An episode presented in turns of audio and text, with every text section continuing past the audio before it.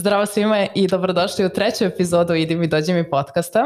Ova epizoda se zove Med i mleko i kada smo razmišljali o tome kako će izgledati vizual, kako će se zvati cijela epizoda i koji će biti koncept iza onoga što se danas zove Med i mleko, prva stvar koja nam je palo obema na pamet jeste šta je ono što u suštini nije med i mleko i to su definitivno promene. Pored promena, pored onoga što svakako ne percipiramo kao nešto što je lako i jednostavno, mislim da kada pričamo o takvim temama preko puta sebe uvek moramo da imamo nekoga ko je dovoljno stimulativan da vas na neki način primora da razmišljate van kutije ili na drugačiji način nego što vam je poznato do sada. I meni je a, vrlo velika privilegija, moram da kažem sada ovako otvoren, što preko puta sebe imam prvo nekoga koga percipiram kao porodičnog prijatelja. Tako je, naravno na prvom mestu. Tako je, a onda i nekoga ko je svakako bio sastavni deo ovog mog razvoja, a onda i razvoja Life and Mind studija. Preko puta mene je Milutin Stefanović.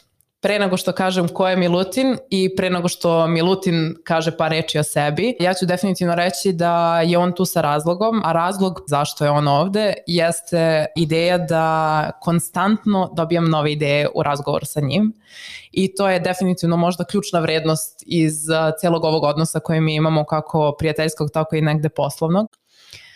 Hvala Kako sam ga, znači, izročila sam ga onako poetski. da, nisam uspio da te ispratim do kraja, ali evo da kažem ja neku.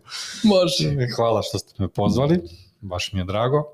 Ovaj, nadam se da e, ću uzvratiti na te ovaj, prozivke za ideje e, i vašim ovaj, pratiocima. A, dakle, ja sam ovde pre svega kao prijatelj, to mi je posebno drago. Ovaj, družimo se već 20 godina. Da, da. Dosta. Da, da, da, da. Jedan Da, da. poduži radni staž. da, da. Možda izgledam mlado, ali ja sam ovaj, dugo godina preduzetnik. A od 2009. sam i, i direktor preduzeća, srednjeg preduzeća koje se bavi tekstilom. Inače sam druga generacija ovaj, u porodici koja, koja je nastavila taj biznis. A, dolazim iz Arilja, jel? Tekstil i Arilje, tu, Tako tu smo. I za ovih nekih 35 godina koliko naša firma, porodična firma funkcioniše, a počela je u mo- mojoj kući, odnosno kući mog oca, ovaj, kad sam još bio mali, u dnevnoj sobi, tako smo krenuli. Dakle, za ovih nekih 35 godina prešli smo veliki put i ovaj, ta neka tema promena, sad, sad si me naterala ovih dana da ja malo ovako se zamislim, nisam ja svo vreme, svih 35 godina baš učestvovao u svim promenama, ali od, već od 2009. kao Mm. direktor. Tako da ovaj, ima, se, ima se šta prisetiti i ovaj, i prepričati, tu sam. Kako ne? Pored toga što je duga istorija i pored toga što stvarno ono, kao što i kažeš, ono, dugo si u firmi, dugo se baviš razvojem preduzeća, a, mene zanima a, kako ti otprilike počinje put tog nekog profesionalnog razvoja, znači otprilike od nekog, nekog visokog obrazovanja, profilišeš se, ja znam gde si studirao, ali bih Da. voljela da znaju i drugi. Da, završio sam ekon- ekonomski fakultet u Beogradu. Um, nisam se uključivao u firmu uh, Mhm. dok nisam završio školu. To je bila negde ovaj pa recimo uputstvo i mojih roditelja, a negde i Mhm. moj neki izbor da ovaj, dok studiram, studiram, kad krenem da radim, onda krenem da radim. Tako da ovaj, po završetku studija 2003. treće godine, da, sam se priključio firmi proizvodnja kućnog tekstila, jastuci, organi, prekrivači, posteljine, dakle neki kućni dekorativni tekstil. Krenuo sam od kurirskih poslova, prvo su me slali po burek, to je ovaj, normalno, jel? Hvala. Ali evo, šalu na stranu, ovaj, zaista od nekih osnovnih radnji vezanih za upravljanje, Mhm. do 2009. kada sam postao direktor preduzeća koje je u, i u tim godinama počelo da se malo komplikuje jer smo počeli da širimo delatnost. Mhm. Od 2009. smo nastavili da širimo delatnost, tako da u nekom trenutku smo postali i baš onako, iako srednje složeno preduzeće, jer smo se bavili i nekim stvarima koje nemaju veze s tekstilom, ovaj, bavili i bavimo i dalje, ovaj, dosta uspešno, recimo bavimo se poljoprivrednom mehanizacijom, uvozom i prodajom, jer dolazimo iz kraja gde su maline, ovaj, i dosta smo upoznati sa tom tehnologijom i zastupamo ozbiljne italijanske brendove. Kažem mi, u ovom trenutku u prethodne dve godine smo napravili jednu stratešku promenu, tako da smo taj, tu jedinstvenu firmu podelili na, na dve firme, jedna koja će se samo baviti E, tekstilom i druga koja će samo baviti trgovinom tehničkim stvarima i baš onako je to jedna zanimljiva tema kako, zašto, s kakvim ciljem i s kakvim preprekama i sa kakvim zadovoljstvom. A kad već pričamo o med i mleko, jel? Tako Hvala da, Bogu.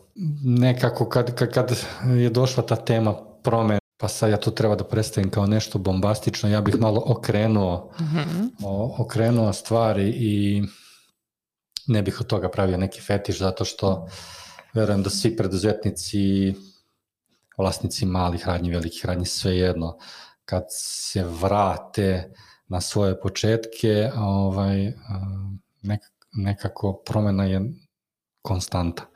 Mislim, to je i u univerzumu za sve stvari tako, ali tako. ako bismo sad pričali nekako pretenciozno o tim promenama, mislim da bi to bilo onako previše gordo, jer stvar je samo izmeštanja pogleda. Dakle, i naše preduzeće, evo, mi nekad se skupimo porodično pa pričamo šta smo sve, čime smo se sve usput bavili, svi smo došli u kontakt, neki koji su tada bili mali, sad su veliki, pa smo mi s njima sarađivali, pa se setimo ovoga ili onoga.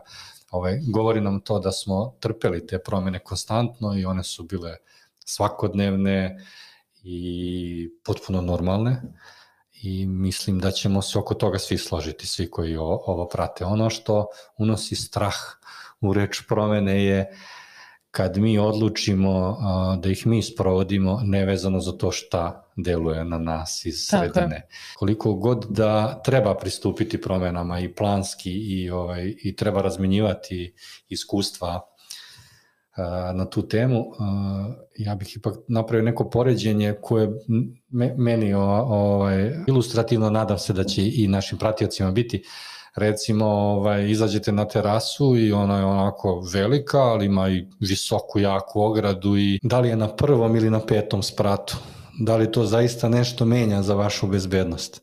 Dakle, da li e, vas na promene tera nešto sa strane, pa ne upravljate vi time toliko niste izabrali. To je neki prvi sprat. Promene se dešavaju, ali ograda je dobra, tu je terasa je prostorna na I sad jednom vi hoćete da izađete na istu tu, na istu tu terasu na petom spratu, samo ste vi doneli odluku da izađete na peti sprat, pa kao sad je veća visina, ali isto je to terasa, isto je dobra ograda, još bolji pogled. Zato kažem, promene su kod nas ovaj, prvo na ličnom planu, ali posebno kod preduzetnika ovaj, stvar koja se podrazumeva i uh, ako ih se ne plašimo, onda ćemo bolje da ih kontrolišemo. Tako je.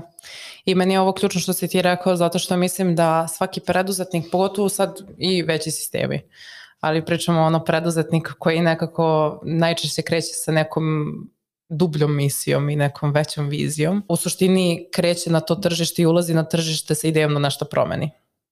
I onda je nekako suludo očekivati da je to tržište tako da niti mi sprovodimo promene, niti da se nekako promene impliciraju bez da mi na to imamo uticaj. Pa da, u principu ta neka želja da se prilagodite situaciji, mm -hmm s jedne strane i vašim željama, viziji, cilju Tako s druge strane, šta su promene, dakle konstantno prilagođavanje. Tako Hteli ili ne hteli. Hteli u smislu onaj peti sprat, hoću, mm. tako, tako i tako, želim to ili ne hteli, dešavaju se promene vrlo turbulentne na tržištu stalno i sad da ne počinjemo neku skroz drugu temu, to bi trebao neko stariji da dođe od nas dvoje da priča kako je bilo funkcionisati 90-ih u, u doba one inflacije. Ja se toga onako pomalo sećam, bio sam mm. srednja škola. Ovaj, I ja kažem, to se na mom fakultetu nije učilo, niti postoji ovaj, škola gde se to uči. Tako da, možda ključno, ako znaš šta hoćeš, onda ovaj, promene lakše prihvatiš i onda bolje negde i izađeš na kraj s njim. Mm. I baš mi je drago što, što si rekao, zato što, pogotovo kad si pomenuo sad ovaj deo oko inflacije i svega, sad proživljavamo nekako, neki bi rekli sličan scenario kao iz tih 90-ih, samo ne do tog nekog stepena intenziteta kao što je bilo tada. Ali ono što je meni ključno i što bih voljela od, otprilike da bude neki uvod a, cijele ove priče jeste nekako ljudi kad pomisle na taj deo oko Arilja, Užice, Požega, meni je to ono uvek prva asocijacija su mi ili maline ili ono tekstil što si ti rekao, narodski rečeno otprilike dobar pamuk gaće i sve redom. Da. Zašto je u stvari krenula priča cijela ova? Jeste zato što kada sam istraživala, a sećaš se vrlo dobro pre, na primjer, 3-4 godine kada sam ti pisala da sam za disertaciju na osnovnim studijama izabrala jednu firmu iz Arilja i a, da mi je cilj bio da radim biznis plan za internacionalnu ekspanziju. Sad nećemo da imenujemo da. eminentnu organizaciju. I meni je to u stvari bila super prilika da stvarno istražim ono kao čovječe živim u Srbiji i ne znam kakvi su uslovi u tom, na primjer, regionu. Ja znam kako je u Beogradu, znam od prilike kako postoji i kako funkcioniše biznis ekosistem ali totalno drugačiji ekosistem negde u drugom delu Srbije. I sad ono što je mislim ključna stvar i vrednost cijelog ovog iskustva i cijelog ovog verujem razgovora jeste to da podeliš otprilike kako je krenulo od ideje do realizacije. Meni je bilo interesantno kada su mi pričali otprilike kako je krenula ideja prvo od na, na ramenica. Da. I onda kao sad čekaj ono ja kao uđem na sajt i gledam i kao čoveče ono koliko se u stvari stvari promenilo koliko si ono, kao firma porasao, kao, onda sa druge strane koliko si ti kao osoba u stvari na totalno neki drugačiji način izgrađen prateći taj rast posla. Ajde prvo kažem malo za Arilje, da, da, da, da se pohvalim i da pohvalim Ariljce. Prvo, stvarno smo vredan narod, dosta, dosta se radi u našem kraju. Uh, ali to neko preduzetništvo je zaživjelo mnogo ranije nego u mnogim drugim delovima bivše Jugoslavije, ne samo Srbije, nego mislim tu čak i na Hrvatsku i Sloveniju koje su kao malo naprednije. Zašto ne znam tačno, ali bilo je par nekih zanimljivih poteza od ljudi u lokalnoj upravi tipa tada su opštine mogle da odlučuju o visini poreza za preduzeća. I iz nekog razloga naša opština je spustila tu stopu poreza, pa su Slovenci do, dolazili otvarali firme fiktivno u Arilje, mislim, jel, evo sad, to je bilo recimo 70-ih. A onda jedni vide od drugih, pa vidi ovo, pa vidi onda, pa se krene malo sa metalskom industrijom, malo sa drvenom, drvnom, Lamper je 80-ih bila ovaj zlato, ono što je sad malina. Onda par pametnih ljudi ovaj vezanih za tu poljoprivrednu proizvodnju, odnosno za zadrugu Arilju koji kažu, aha, daj neku voćku koja, koju nemaju baš svi, da se ne takmičimo sa svima, pa onda krene ta malina, ima je divlje jel, u višim krajevima, ovaj, pa se tu formira neka sorta zanimljiva koja baš odgovara našem kraju, pa se dođe do kvaliteta i onda se to širi. I ovaj, ljudi jedni od drugih gledaju, uh, uspeh je zarazan, krenulo se sa tom malinom, a onda mi smo u Arilju imali dve, dve, dve firme koje se bavile tekstilom i tu su se naravno ne, ne, neko znanje akumuliralo, neki stručnjaci, 80. godina je bilo lakše otvoriti firmu. Moj stric, pre svega, onda i otac, e, su krenuli u taj posao, krenuli u posao na ramenica iz nekog razloga ne, neko znanje su videli tu, neke informacije prikupili, videli ko može da napravi mašinu. Moda je bila takva da su se ti godina i na spavačice stavljale na ramenice.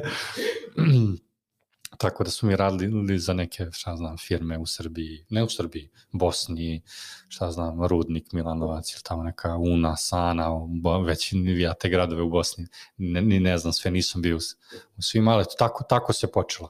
Malo po malo, pozajmi se novac, kupi se dve, tri mašine, tekstilna industrija je takva da je relativno jeftin ulazak, dakle nije tehnološki intenzivna da moraju da budu velika ulaganja i mi smo se iselili iz dnevne sobe, i to nam je bila najveća prostorija u kući, iselili smo se na sprat, vratili se u neke manje sobe i tako smo krenuli.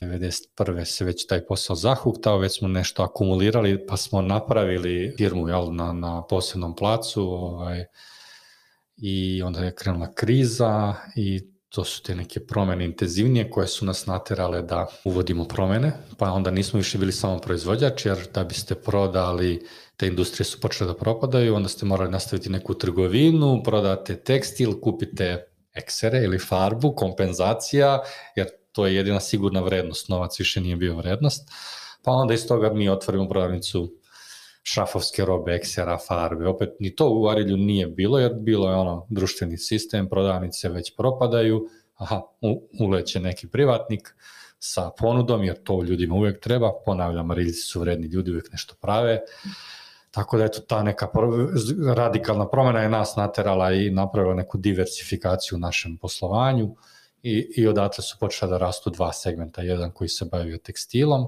pošto su prošla moda na ramenice se ne rade, mi onda nešto drugo, šta opet gledamo šta drugi ne rade, da budemo malo jedinstveniji i onda krenemo u posteljine.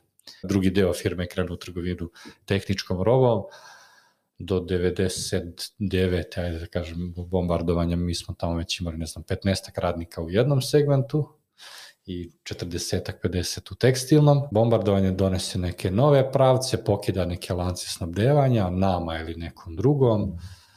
Recimo šta je zanimljivo, tih 90. godina, 92. 3. 4. smo krenuli da trgujemo i traktorima, na primjer IMT.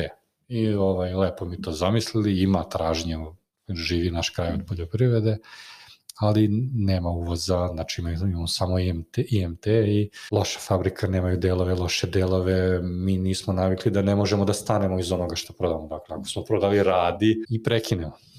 Prekinemo, ne vredi, ne, nemamo robu, nemamo pravu robu, nećemo da neki svoj e, nivo ili renome spuštamo zbog toga i desi se igrom slučaja da je to 2012. se vrati u isti taj biznis. Znače, bolje i evo sada ovaj, je to značajan segment i deo identiteta Stefana. Da li je bilo grešaka, po, poraza nekih, pa sigurno. Ali mi kao porodica, dakle ne samo da imamo dve porodice i otac i stric, nikad na to nismo gledali. Bili su podeljeni poslovi, odnosno dužnosti ovaj, nikad nismo brojali to, prosto uvek smo gledali dalje, bolje, više i što je najbitnije stabilno. To nam je neki, neki, neka filozofija.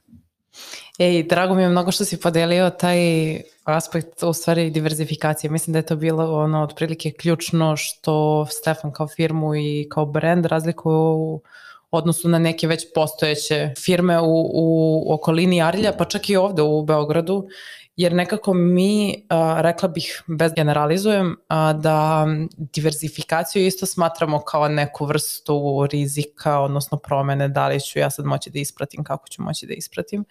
A u suštini ono što ste vi radili jeste bukvalno dinamično praćanje potreba tržišta. Tako je. Što je meni interesantno jer kao zahteva određenu em odgovornost, em spremnost Znači idemo pa probamo ako ide, ide, ako ne ide, ne ide, ali znamo da smo videli otprilike gde ima prostora. A, spomenuo si to, spomenuo si taj period uh, 90-ih, kriza, inflacija, pa čak i one silne sankcije, embargo i sve ostalo. Um, I sve to promena. I sad meni ključno nekdo pitanje za tebe jeste ono kako ti u suštini smatraš promenu? Da li je to za tebe prilika da istražiš nešto novo, testiraš nešto što je možda za tebe već bilo poznato i je tako ono i nešto inoviraš, ubacuješ neke novine ili je ono već bukvalno adaptacija. Mislim ti jesi u suštini odgovorio na ovo pitanje kroz... Da. Pa promena je u isto vreme i prilika i izazova, ali ako pričamo o onim promenama koje koje svesno mi ovaj, odredimo i zacrtamo i krenemo da spro, sprovodimo, pre bih o tome pričao kao izazovu, jer ovaj, čim sam rešio da nešto se pomerim ka nekom cilju i prihvatio da će biti promena, to više nije prešlo je, sazrelo je iz prilike u izazov, dakle sad se bavim time kao, kao izazovom, a te neke promene koje se dešavaju oko nas, nevezano za našu volju, one su jel, prilike i ovaj, nameću prilike, koliko god da su teške. Ne bih ovo, ovaj period uopšte ne bih uporedio sa 90. Mislim da je neuporedivo, ovaj, ne bih da uvredim stariju generaciju. Ali ima svako vreme jel, svoje izazove i drugačije pravila. Zašto su, zašto su promene izazov? Um, zato što sa sobom nose neku cenu i morate to da znate ovaj, uh, kad krenete nose cenu, krenuli vi, ne krenuli, ne, nešto, će, mm. će, nešto će vas promeniti, ali uh, odgovornost koju ponesete kada povedete ljude, odnosno organizaciju u promenu, onda ste vi odgovorni za cenu. I to je ono što pravi razliku i to je ona razlika među pogleda sa prvog i petog sprata, jel, ko se plaši visine, Tako. ovaj, to je to. Dakle, ta odgovornost koju ste koju ste poneli ovaj, kada ste svesno povukli svoju organizaciju u, u, ka nekom cilju, znajući da mora da se menja, znajući da će se pritom platiti neke cene. I to je taj izazov koji, koji je pred vama, da procenite šta je to što biste možda morali da platite, da, da negde ovaj, možda unapred osmislite granice do kojih ste spremni da idete i tu se preduzetnici razlikuju, ovo kažem ima više načina da se napravi uspeh ili da se bude uspešan preduzetnik. Najlepše one filmske priče su o preduzetnicima koji su pet puta propali, a šesti put tek uspeli. Ovaj, e, I ja ih znam i lično i takve i oni su uspešni kada ih mi gledamo, ali i zadovoljni ali isto tako mo, možemo biti, ja sad ću pričati u svoje ime e, kao neko ko nije propao do kraja nijednom, ovaj, dakle postoji i, i ja bih i dalje sebe nazvao preduzetnikom neko ko je malo oprezniji ili rezervisaniji ili sporiji, ovaj, opet će naći zadovoljstvo i u tome, možda kao mi, mikrocontrolling, pa onda, pa onda uživam u to, ali ok, i to je, i to je uspeh, da, da, i to je zadovoljstvo.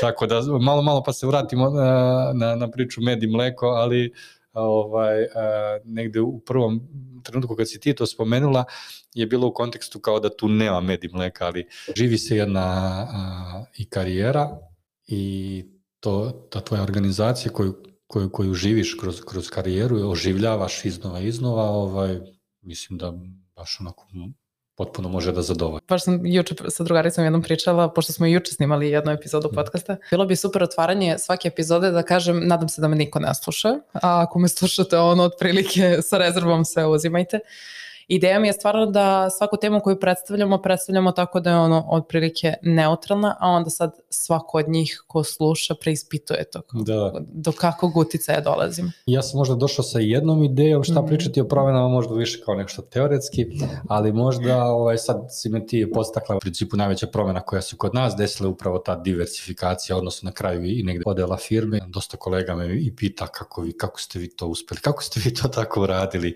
a pre toga su nas pitali pitali, jel, kako vi to rođena braća pa njihove žene, pa sedite u iste kancelari, priča sad o mojim stricu i strini, ma, ma, ocu i majci, kako vi to uspevate, kako je to moguće, pa to nije moguće u Srbiji i tako, ovaj, i sad onda, ovaj, možda mi iznutra i ono ne vrednujemo to toliko, pa onda dođe sad, ali recimo, sad se prisjećam uh, broja tih pitanja, pa možda će biti zanimljivo da, da, da malo taj aspekt promene ovaj, podelim. Uh, da zaista smo mi dosta, dosta složno, složno radili, dve porodice pa je došla i druga generacija, ja od strica dva sina isto u firmi, moja supruga u firmi, došla druga generacija, kako to sve mi radimo evo, ne, neko moje viđenje ako će nekom pomoći, ovaj, pre svega ovaj, dobra podela posla, bez obzira što je vlasništvo bilo pola-pola, znalo se ko je direktor i zašto je on zadužen, zaš, znalo se ko,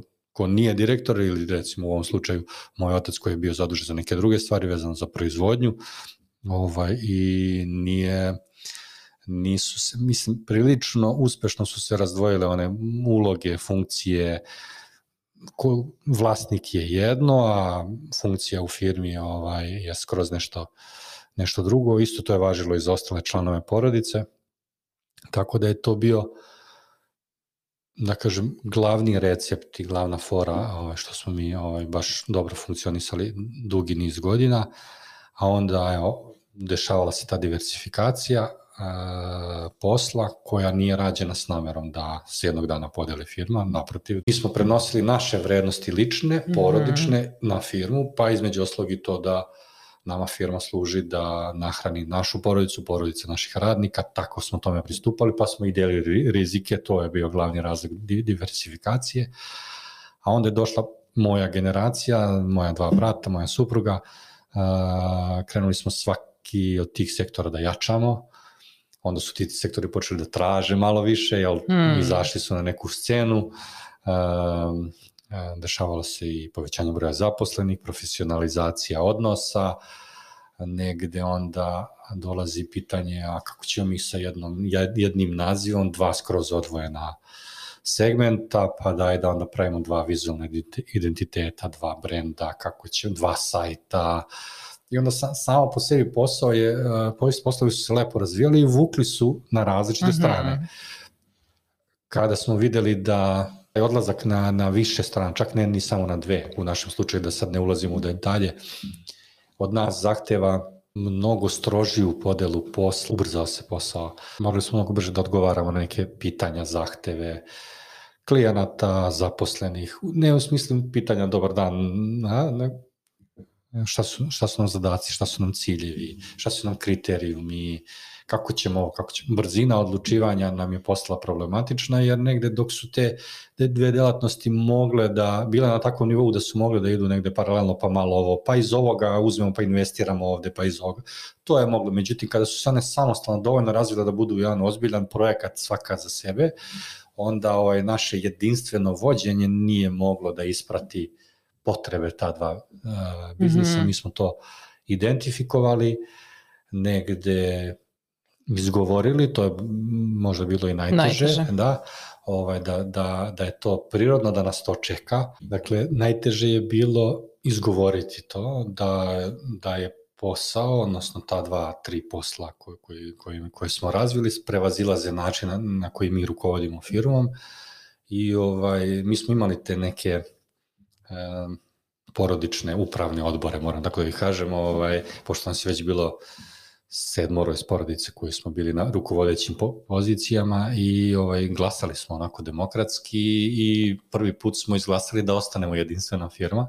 Ovo sad ja pričam možda čak i ni, ni svi zaposleni ne znaju ne, mm. neku našu evoluciju misli, a onda posle dve, tri godine ovaj, kada su nastali upravljački problemi da se negde ovaj, namnožavaju ili ne namnožavaju, ali možda malo guraju po tepih, ovaj, stavili smo ponovo na dnevni red preispitali se šta je potrebno i doneli odluku da podelimo ne firmu i ne imovinu, nego da razdvojimo, ja čak ne bih rekao podelimo, nego razdvojimo biznise, da oslobodimo svaki za sebe, da nastavi da raste. To je ono što je ključno za nas i ključno što ljudi oko nas su teško razumeli mm -hmm. i prihvatili na, na, na prvu loptu ovaj, onako dosta loše pričam onim najbližim, pre svega zaposlenima, i to je možda najvažnija lekcija za mene bila ovaj, što se tiče promena, to je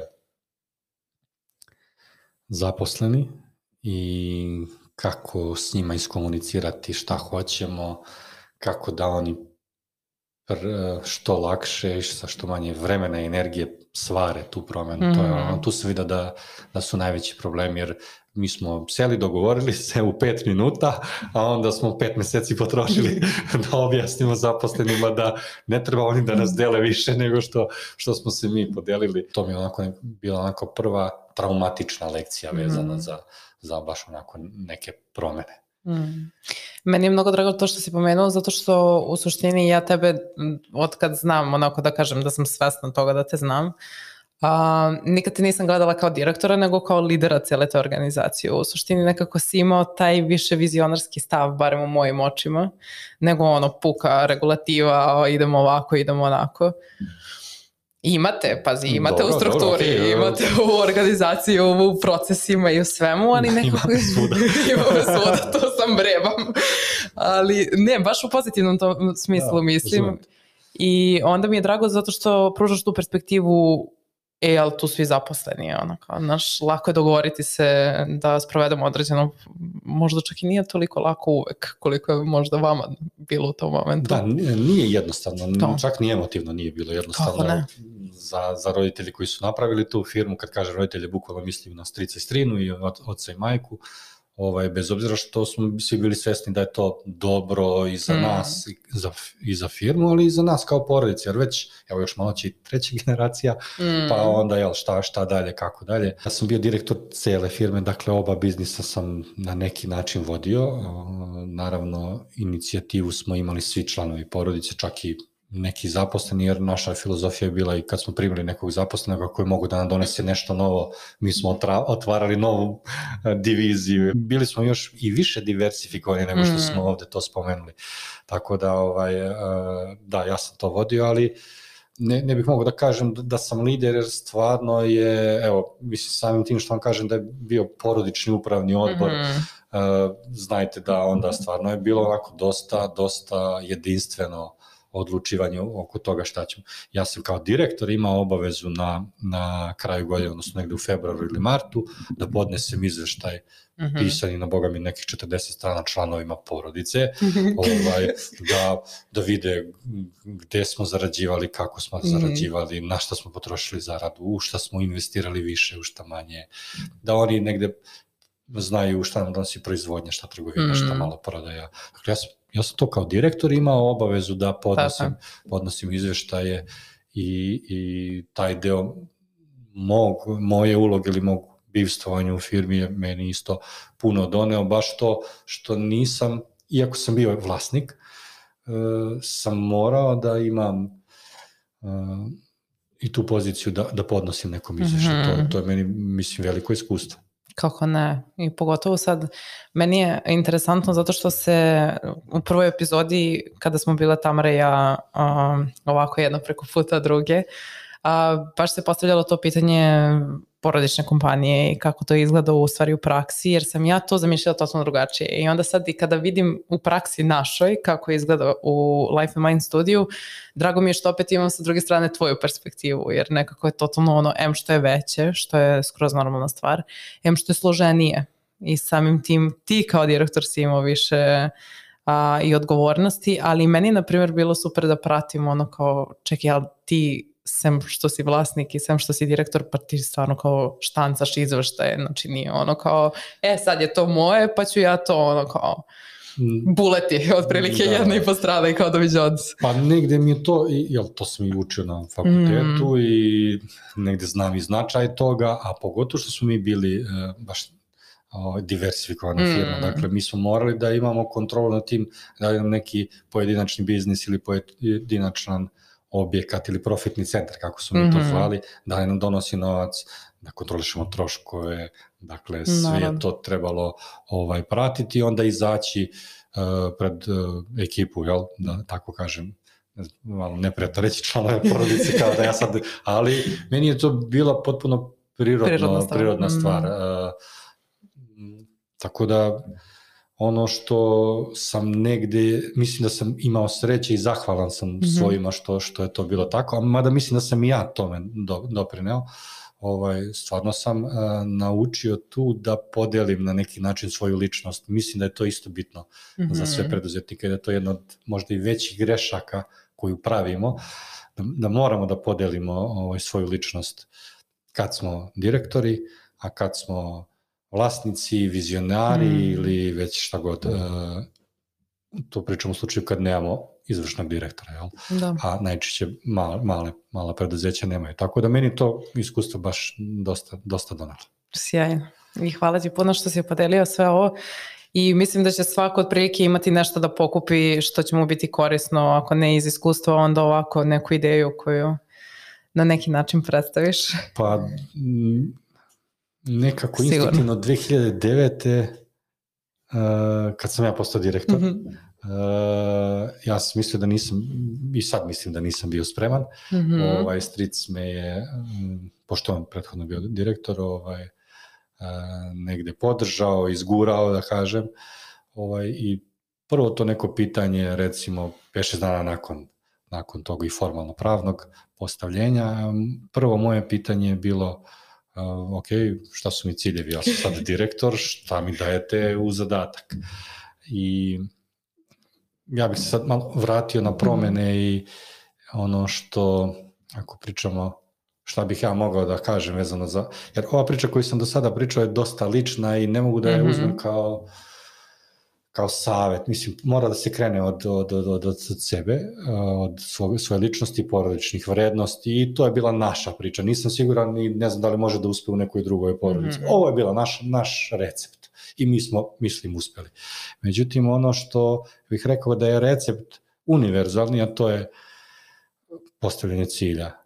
I ja sam eto tada instinktivno, te godine sam ja imao 30 godina, ovaj, dakle, relativno mlad da budem direktor firme od 100 ljudi tada, mm -hmm. bez obzira na neko iskustvo. Ja sam pitao za ciljeve i a, nisam dobio jasan odgovor mm -hmm. ovaj, od oca i strica kao vlasnika a, preduzeća i ja nisam bio svestan tada, iako sam bio svestan da ga postavim, nisam bio svestan koliko mi odgovor nedostajao mm -hmm. posle toga. I kad pričamo sada o promenama a, a, zašto su nam uspele ove promene podele firme, mislim da je to zato što smo izrekli taj cilj. Mm -hmm. A to je želja da svaki od tih biznisa nast, da ga oslobodimo, da bude, da nastavi kvalitetniji i kada smo to izgovorili kao e, glavni cilj i princip razdvajanja, onda je samo razdvajanje za nas išlo veoma, veoma jednostavno. Ok, meni je sad nekako ono kao kad idemo hronološki sad godine i sve ostalo, uh, ja nemam uopšte percepciju u poslednje tri godine zbog korone. I korona je otprilike kod mene ono, 2020. kad je počela korona pa do sada ja živim u nekom ono, deliriumu otprilike. Ali ono što je činjenica jeste da je korona bila sama po sebi prvo promena, a onda je izazvala neke promene da. koje su uzročno posledične došle. Na tržištu struktura. Tako je. U stvari ključna stvar koju bih hvala da te pitam jeste kako je uticala uh, korona na tvoju organizaciju i onda kasnije i na ovu celu diverzifikaciju koju si pričao, jer ti sa jedne strane imaš tu B2B prodaju, ceo taj moment koji je orijentisan ka različitim drugim preduzećima, a onda imaš i onog krajnjeg kupca. Da, koji je u fokusu svakako. Tako je. Pa, to je još jedan događaj u toku naše duge istorije koji je onako malo radikalnije ovaj, uticao na naše poslovanje. Hvala Bogu, mi smo iz njega izašli svi zdravi. Pričamo o zaposlenima i o porodici i u njihovim porodicama uglavnom, ali je bilo dosta stresno sad kad se setimo svi, jel, ne bi možda tako, ali ko je u tom trenutku znao. neki naš refleks preduzetnički, tako bi ga nazvao, je bio da mislim da su nedelju uveče proglasili vanredno stanje u Srbiji i ja sam recimo oko 10 uveče pozvao šeficu proizvodnje rekao svi dolazite u 6 ujutru na posao, ovo ništa ne, ne menja. Oni su se svi pojavili, baš su svi došli, ovaj, iako je vanredno stanje bilo proglašeno i ja sam rekao, ok ljudi, e, u ovom trenutku za nas je najzdravije da radimo. Poštovat ćemo sve što nam kažu, što se tiče mera, nećemo ništa biti ludo hrabri, ali e, moramo da znamo da će ovo proći, moramo da, da radimo, to će nas psihički držati zdravi. I negde, meni je to light motiv tog doba, zato što negde, to je dakle bio ponedeljak, mi smo u sredu se preštelovali na proizvodnju uh, maski. Zašto? Zato što smo tekstilna firma, pa na vas, a sarađujemo sa puno firmi iz Srbije po raznim osnovama i onda nas zovnu, e, možete, nema maske da se kupi, možete nam sašijete, možete nam sašijete, mi ajde, evo za prijatelja 10, za... onda su mi, čekaj, daje radni nalog 10.000 komada, određuj cenu, jer ovo je bilo za prijatelja, ali kad vidiš da samo radiš za prijatelje, daj određuj cenu. I mi smo u sredu počeli ove, ovaj, proizvoditi maske, u četvrtak smo ih počeli prodavati i to je onda krenulo i nekako sam ponosan što nam je to bio svima refleks, dakle pravi preduzetnički kad je kriza, e, mi smo za te naše ljude druga kuća, tako sebe doživljavamo, rekli smo nikog nismo otpustili, e, čak i malo prodaje neke koje smo imali nisu radile neko vreme, e, niko nije ostao bez posla, isplaćivali smo plate, država je kasnije uskočila, ok, sve je to imalo nekog smisla, ali uh, to je, to, to je, mislim, onako, ja sam baš ponosan što je to bio, u čitoj porodici neki refleks pravi, ne prekidamo da radimo, radimo dok možemo, poštujemo mere e, i donelo mi je to rezultat, sad vraćam se na epilog, jel, e, koji je rezultat? Prvo finansijski rezultat. 6. maja je završen onaj baš strogi embargo na izlaske iz kuće, ovaj, već u junu eksplodirala malo prodaja, mi smo bili spremni, radnici su dolazili svakako na posao, niko, niko nam nije otišao, bili smo zdravi, prilično mhm. ovaj, kao kolektiv nije bilo korone ovaj, nešto da je kružila. Sve države su negde smanjene tu razmenu i onda je naš novac koji mi u Srbiji zaradimo ostao da kruži u Srbiji. jun, jul, avgust, eksplozija malo prodaje, eksplozija domaćeg turizma, mi se inače bavimo i opremanjem hotela ovaj, tekstilom, jel?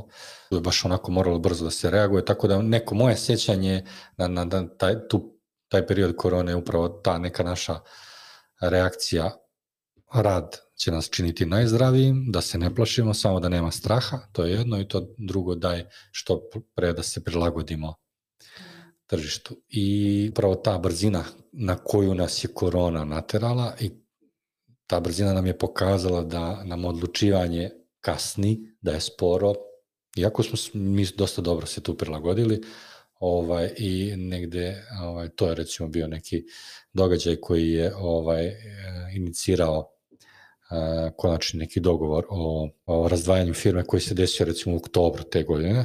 Šta smo mi u stvari radili? Ali, ok, imamo posao sa tekstilom, imamo posao sa tehničkom robom koji je pre svega malo prodaja, a tekstil je pre svega proizvodnja i veleprodaja, veleprodaja sa akcenat na tome.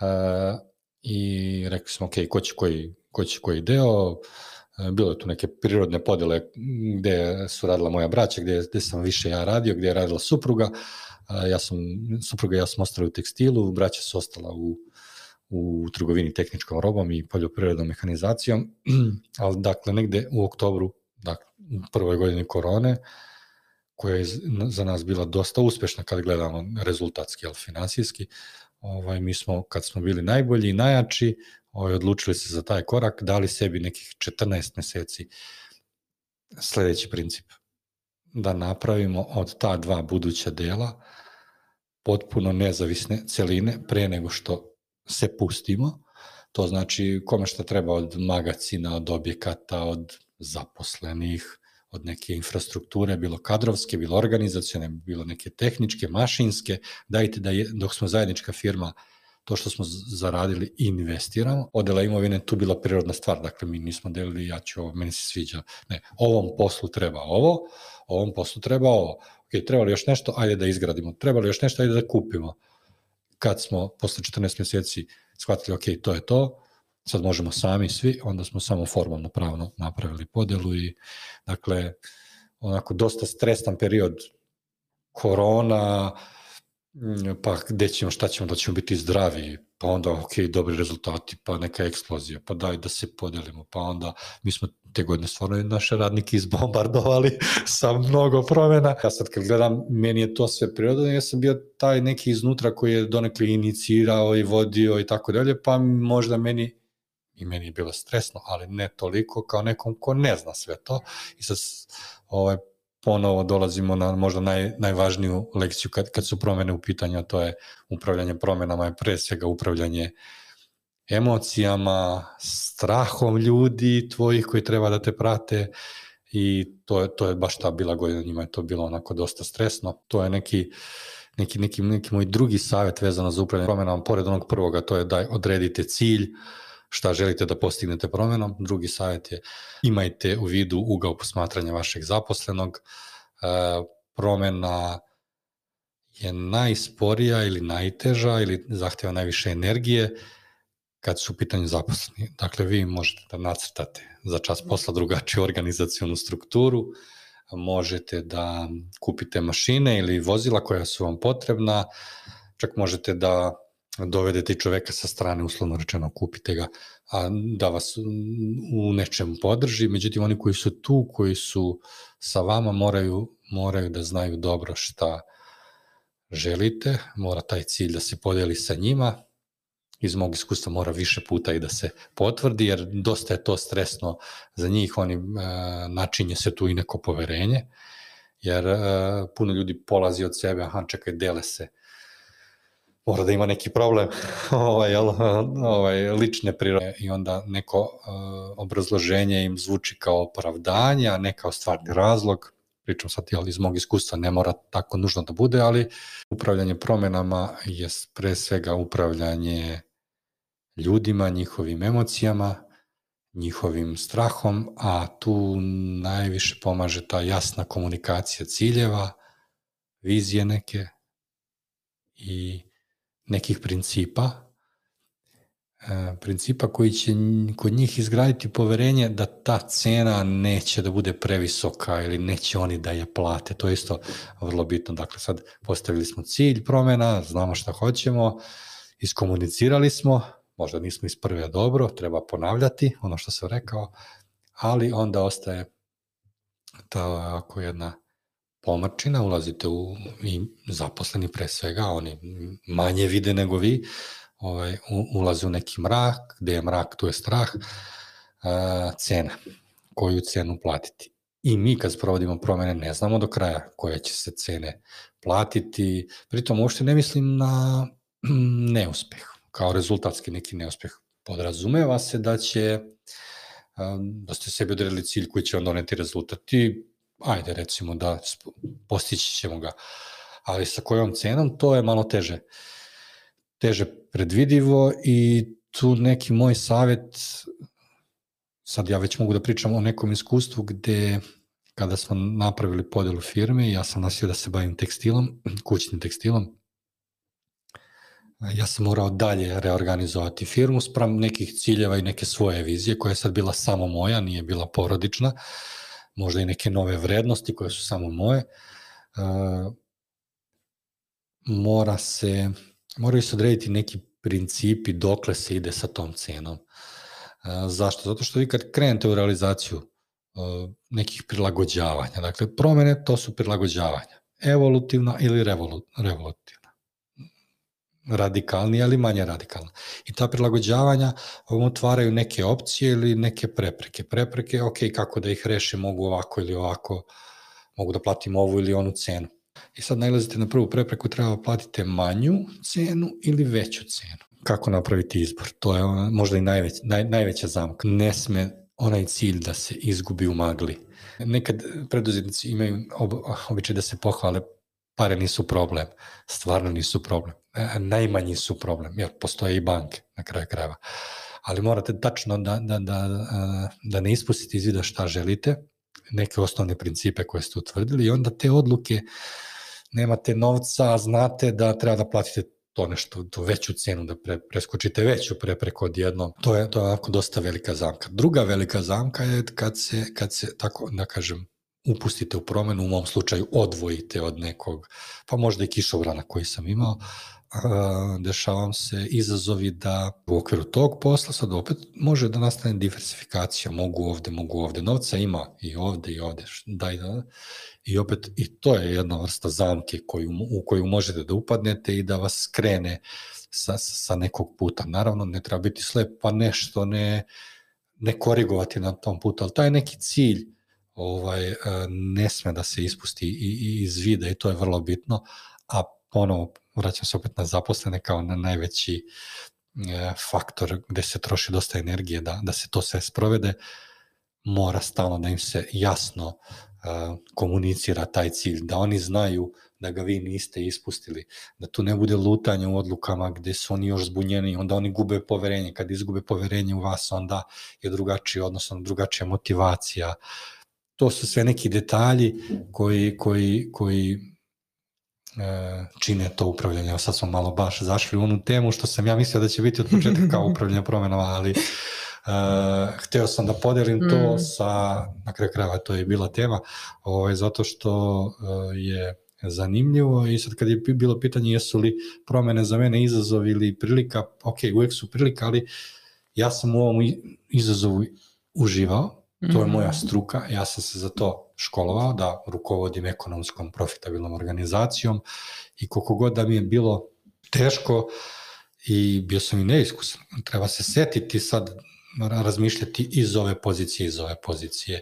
Nemoj zaboraviti cilj, ali visoka je cena. Mm -hmm. Ima i novca ovo, mali cilj, ali mm. i ovaj uh, ali, ali kad, kad, kad vidite da se izlačite i da to što ste se držali tog cilja da vam sad donosi rezultate, e to je onda ovaj med i mleko.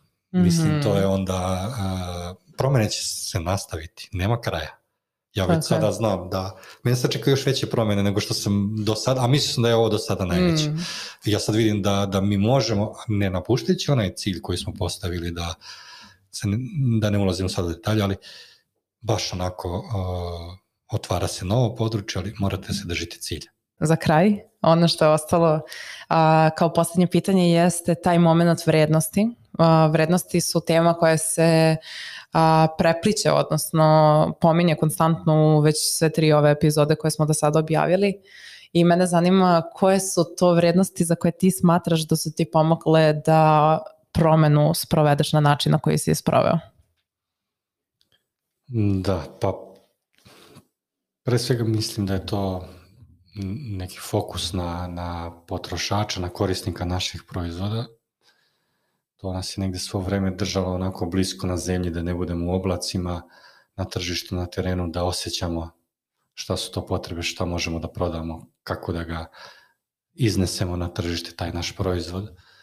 Ta neka fokusiranost, dakle, na, na, na, na, na potrošača, na, na stvarne njegove potrebe, na neki kvalitet koji treba da mu donesemo, da to bude sve fair upakovano u jedan koncept, polazeći od onoga što znamo, a znamo dosta o tekstilu, iako sam ekonomista, dakle, e, želeli smo da to naše znanje proširimo, da možemo što, što pošteniji proizvod da iznesemo na tržište sa nekom iskrenom namerom da to bude kao za nas i ta neka vrednost, te neke iskrenosti i fokusa na potrošače, s jedne strane isto ta iskrenost u odnosima ka zaposlenima, oni to prepoznaju, kad prepoznaju onda su mogućnosti da oni isto to na tržište iznesu, e, to je ono čime se mi vodimo svo vreme, e,